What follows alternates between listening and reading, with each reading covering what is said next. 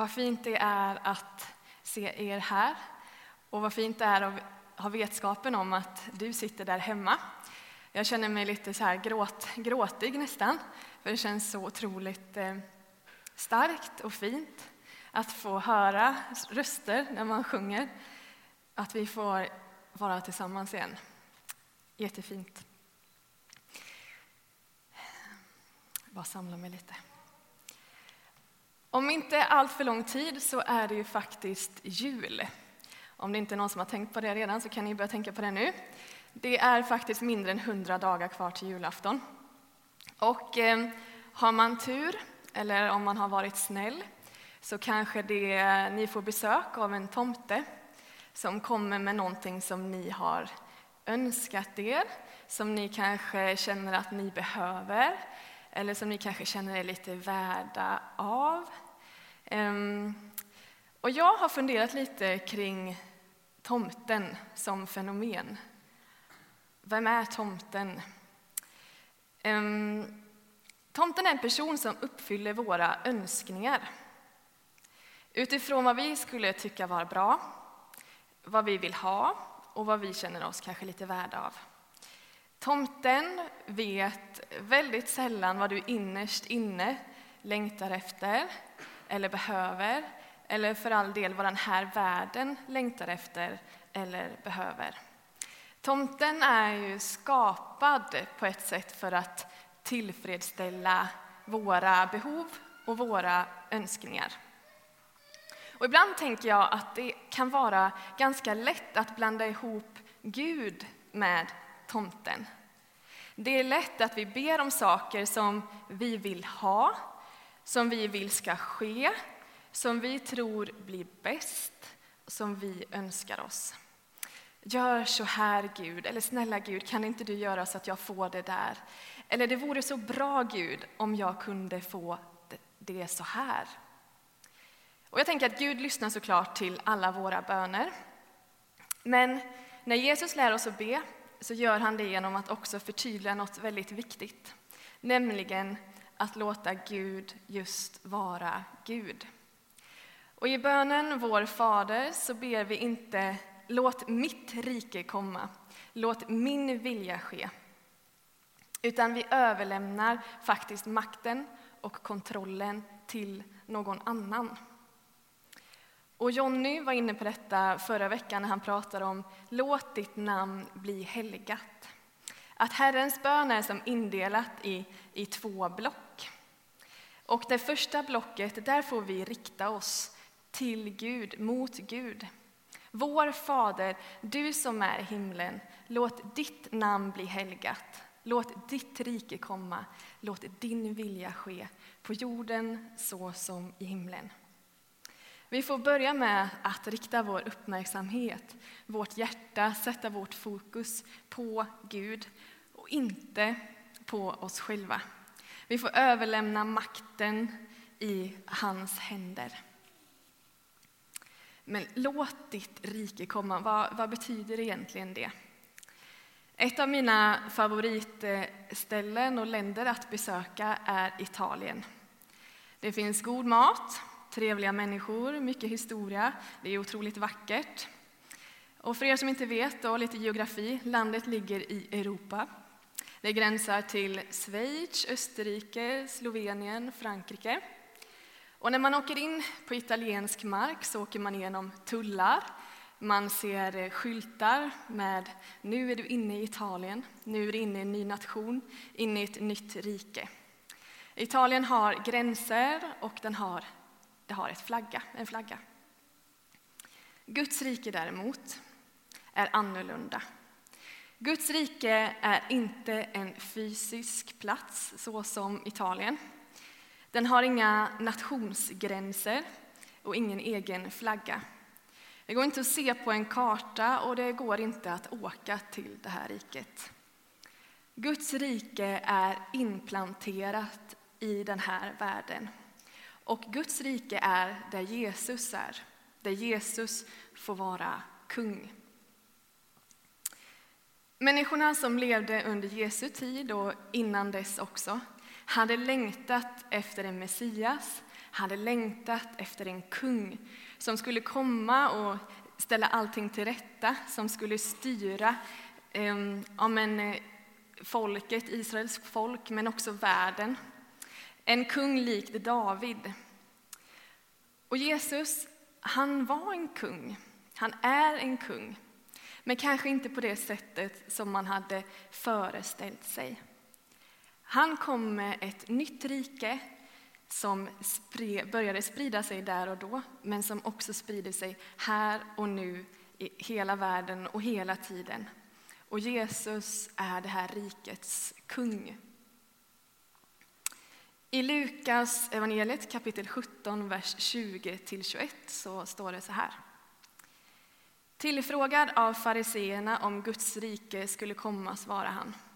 Guds rike kommer inte på ett sådant sätt att man kan se det med sina ögon. Ingen kan säga här är det eller där är det. Nej, Guds rike är inom er.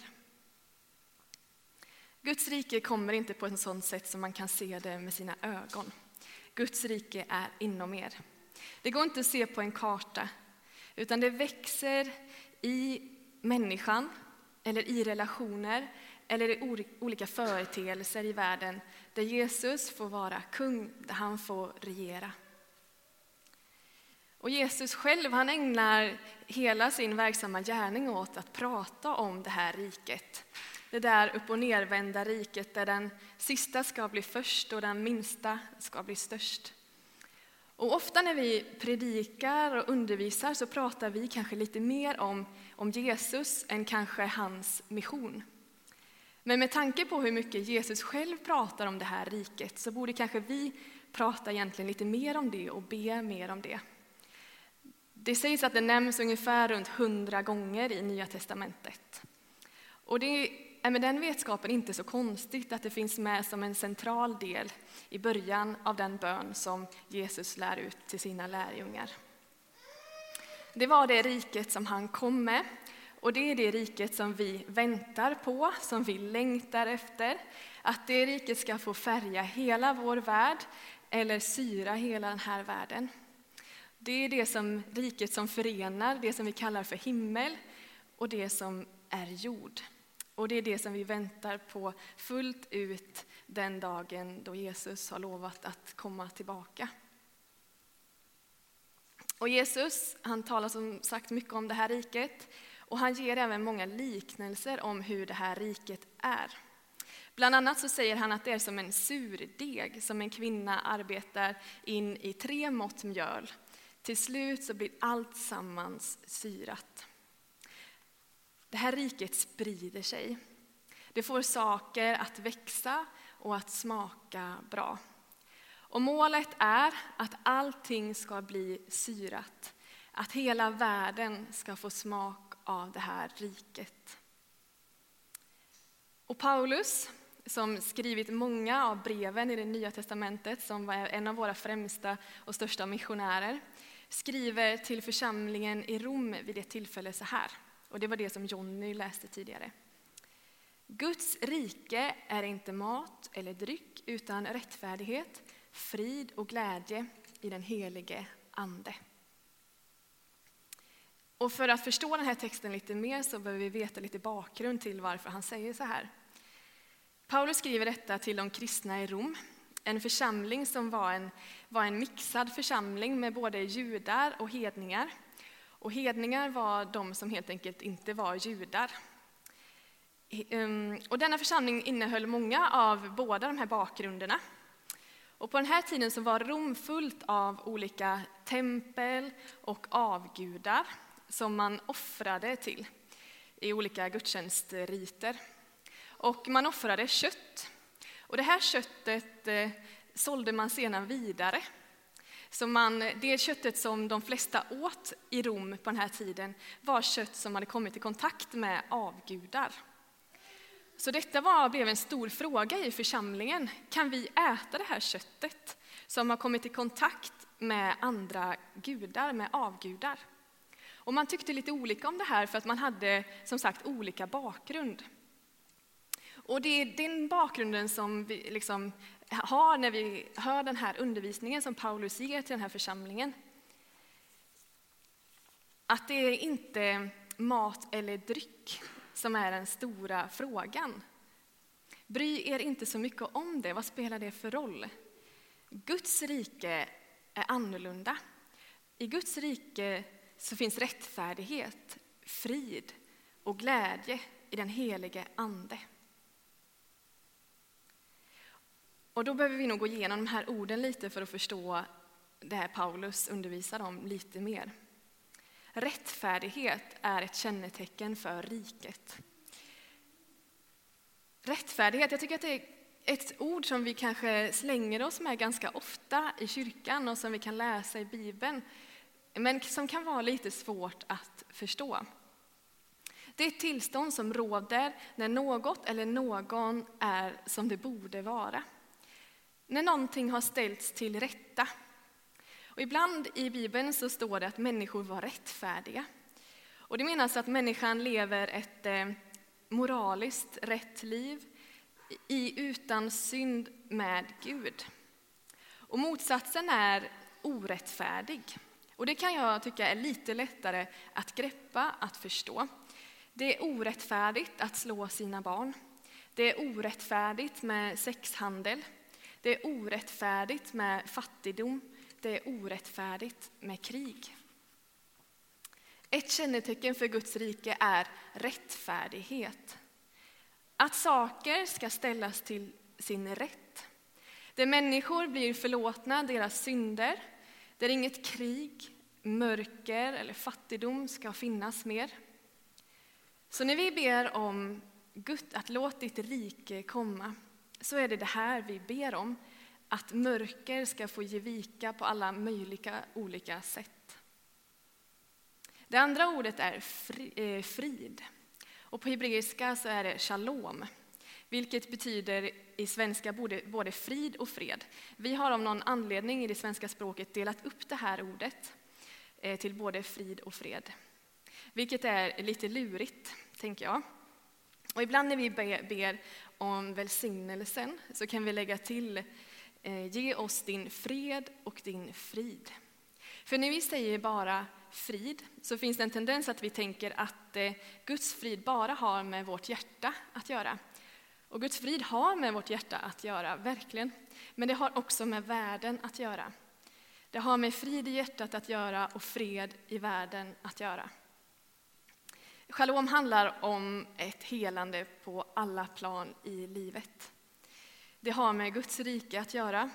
Så när vi ber om att Guds rike ska komma så ber vi om att Guds frid och fred ska få syras in i vår tillvaro.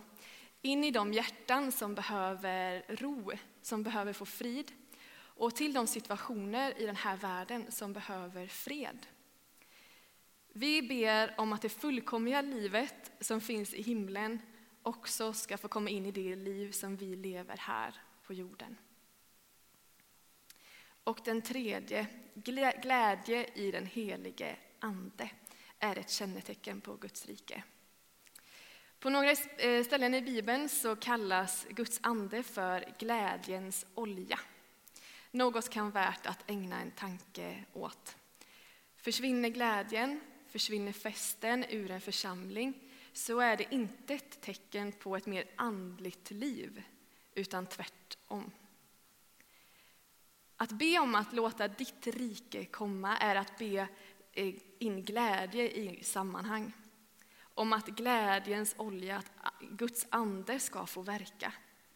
Och när vi känner glädje i vårt liv, i vår församling, i vår värld, så får vi också lov att tacka Gud för det och inse att här är Guds rike. Låt ditt rike komma, låt din vilja ske på jorden så som i himlen. Vi kan be den bönen och vi bör nog göra det så ofta vi bara kan. För bön är en så otroligt stark kraft. Och eftersom att Guds rike finns där Jesus får vara kung så innebär ju också att alla som tror är bärare av det här Guds rike. Man kan säga att alla som bekänner Jesus som kung blir medborgare i det här riket. Det finns inom er, det finns inom oss. Och vi kan få vara med och sprida Guds rike i den här världen. Vi kan få be för människor och situationer, men vi kan också få gå in och göra skillnad där orättvisor råder. Vi kan agera när vi ser saker som är fel och vi kan få berätta om detta riket för andra. Och vi kanske inte, till, kanske inte ens bara får det, utan vi kanske till och med bör göra det. Och jag tänker att det är på många sätt modigt att be den här bönen. Låt ditt rike komma, låt din vilja ske.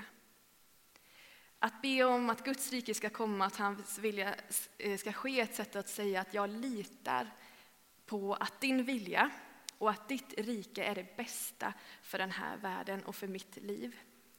Det är ett sätt att låta Gud få vara Gud. Och det handlar så mycket om tillit och att våga släppa kontrollen och att faktiskt våga lita på att Gud är god. För det är väldigt svårt att lägga sitt liv och hela den här världens liv i någons händer som man tvivlar på faktiskt vill det gott. Men till skillnad från tomten så känner Gud ditt hjärta. Och Gud känner den här världens behov. Och han är en god Gud. Den djupaste responsen på världens djävulskap är att be om att Guds rike ska få komma och att hans vilja ska få ske. För Guds rike är ett gott rike, för Gud är en god Gud och hans intentioner med den här världen är så goda. Så när vi hör om djup och svår ångest och depression som kryper allt längre ner i åldrarna Gud, låt ditt rike komma. När vi hör på nyheterna om flyktingläger som brinner, Gud, låt ditt rike komma. Där sjukdom finns, Gud, låt ditt rike komma. Där barn utnyttjas för vuxnas njutning, gode Gud, låt ditt rike komma. Amen.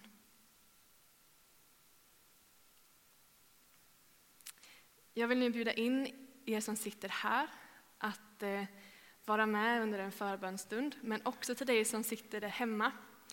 Nu har vi chans och tid för bön ehm, och eh, att få söka Guds vilja för våra liv och för den här världen.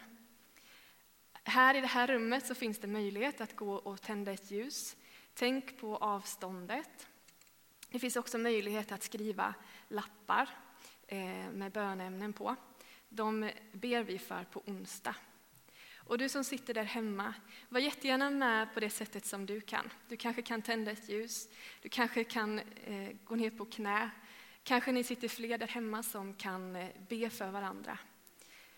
Känner er fria i lokalen att stå eller sitta eller tända ett ljus. Vi ber. Tack Jesus för att du är här och nu där vi befinner oss. Tack för att ditt rike är där du är, där, ditt, där du får vara kung. Jesus, det finns så mycket i den här världen och i våra liv som eh, vi behöver be för och som behöver ditt rike ännu mer. Och eh, vi vill ägna den här stunden till att söka din vilja och se vad du vill för våra liv och för den här världens skull. Tala till oss. I Jesu namn. Amen.